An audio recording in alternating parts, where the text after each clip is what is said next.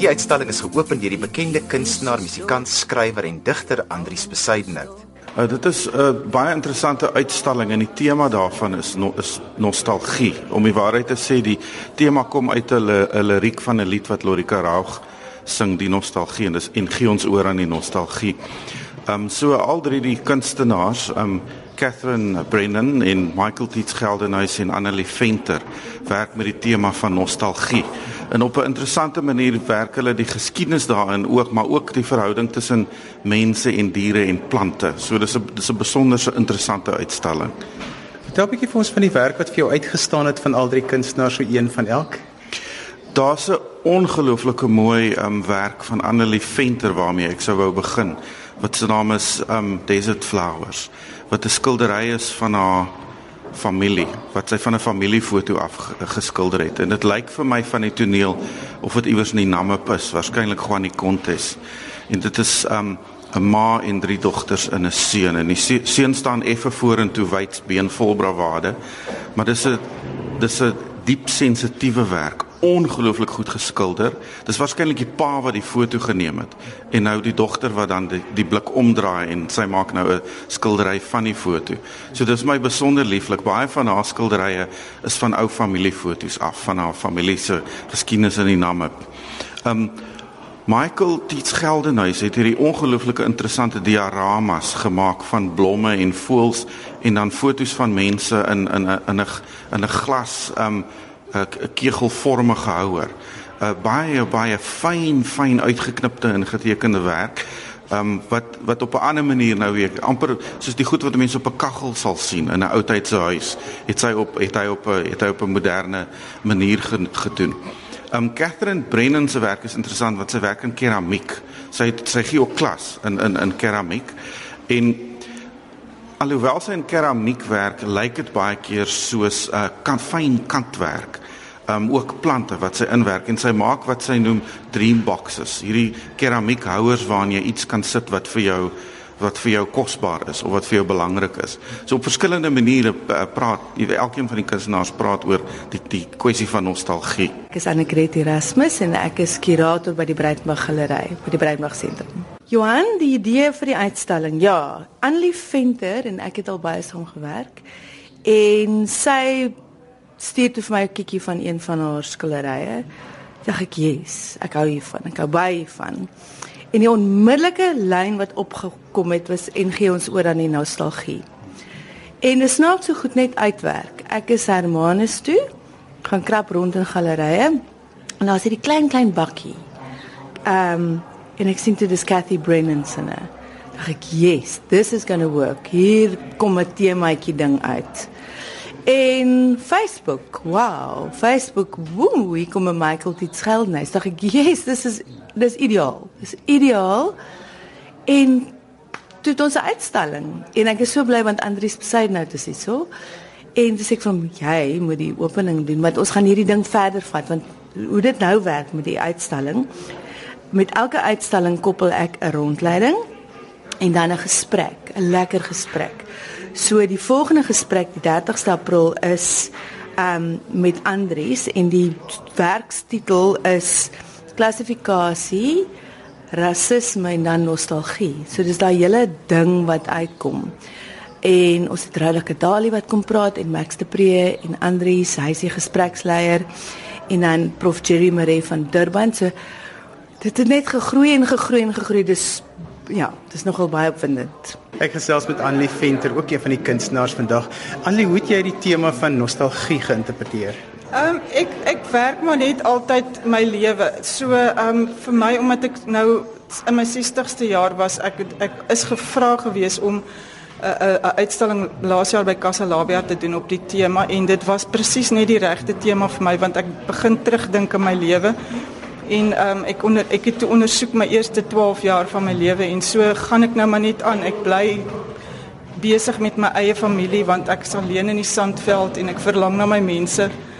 En uh die terugdink dit help 'n mens om te om om goed weer te verwerk wat jy nooit voorheen miskien verwerk het of wat nie. Waar kom die fotos vandaan wat jy gebruik het as brondokumente? Um, dit kom maar alles uit my ma se album uit van toe ons babas was. Daar's maar nie altyd baie foto's geneem nie. Daar was 'n ou klein brownie gewees. My ma het het maar so so met verjaarsdae en so geneem, maar as jy nou die storie vat, my pa het 'n boek geskryf toe ek um, toe ek 20 geword het die dag en hy was 60 het hy uh, sy sy memoirs begin skryf oor daai tyd van ons lewe. En ehm um, as ek nou daarin kyk dan dan dit die foto's kom so ooreen met dit wat hy geskryf het in daai boek. En ehm um, dit maak net vir mens alles weer sin. Dit dit wys jou waar jou plek in die lewe was, waar jy begin het. Jy weet jy my my uh, my my pa en my ma het ehm um, hulle het 'n plaas in die noorde van Suidwes gekry. Daai daai tyd toe hulle kon ehm um, aansoek doen en dan kry dan kry die boere moes nou 'n plaas om daar te vestig.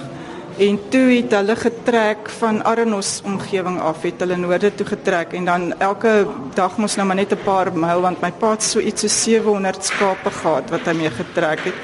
Karakoolskape. En ehm um, dan moes my ma nou vooruit ry met die bakkie, dan sy nou eers gaan 'n mooi plek kry vir kamp en dan sy 'n gat in die grond gegrou en dan sy vir hulle potbrood gebak. Dan sit sy nou die, die my dan sy die kole gemaak in goeters en ehm um, dan sit hulle 'n plaat bo oor die gat en dan die kole bo-op en dan so uur later dan hulle potbrood. So, en die foto is dan nou die die, die foto is deel van daai trek. Daar dit dit was net ek moes nou net maar aangaan. Ek het hom nie by Casalabia gehad nie, maar dis half mos partykeer is daar net iets jy, jy voel net ek wil nou daai ek wil daai herinnering bietjie koester en dan dan probeer ek kom maar. Catherine Brennan het keramiekwerke gelewer vir hierdie uitstalling. It's about nostalgia. Um, I'm the ceramic component of it, but the others are painters. Tell me a little bit about your work on the exhibition. Um, my, my, most of my work is, is dream boxes, which are places for you to keep things that are special to you, that perhaps have no financial value, but have significance in your life. A letter from a friend, a lock of hair, I don't know, it could be absolutely anything. Um, but I've always wanted to have a space that I could keep things in. I used to keep old cigar boxes from my dad that I used to keep things in. And I thought, well, if I like to do that, maybe other people do too. And uh, it just grew from that whole idea, and I've been making them for about three years. Before that, I was making mostly my lace bowls, which are lace impressed pieces of work that. Um, I press in antique lace that was from my grandmother, who I never knew, but she left me a box of lace, and that's how that started. Um, it's quite delicate, the ceramics. Well, the the lace work evolved, and to start with, I kept on sticking my finger through them after working for an hour on something, and then you stick your finger through them. That wasn't fun. And I started investigating when I went and did my BTEC degree, and I discovered there are things that you could add to it, but the, the the best one was to actually add paper to your clay. And I used the cheapest toilet paper and I mix that in with the, the clay when it's um, in a very slop form.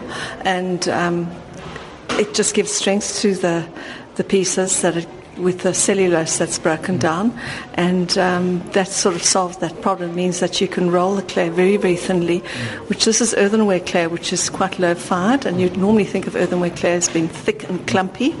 But um, because of the paper added it, now you can actually, I can roll it very, very thinly, and people often mistake the work for porcelain, in fact. But I have chosen to use earthenware because I like the warmth of it. Um, I always find porcelain a little bit standoffish and cold.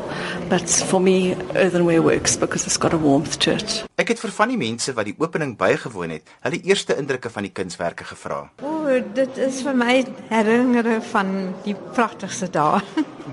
dis dis vir my pragtig. Dit bring al die memories terug.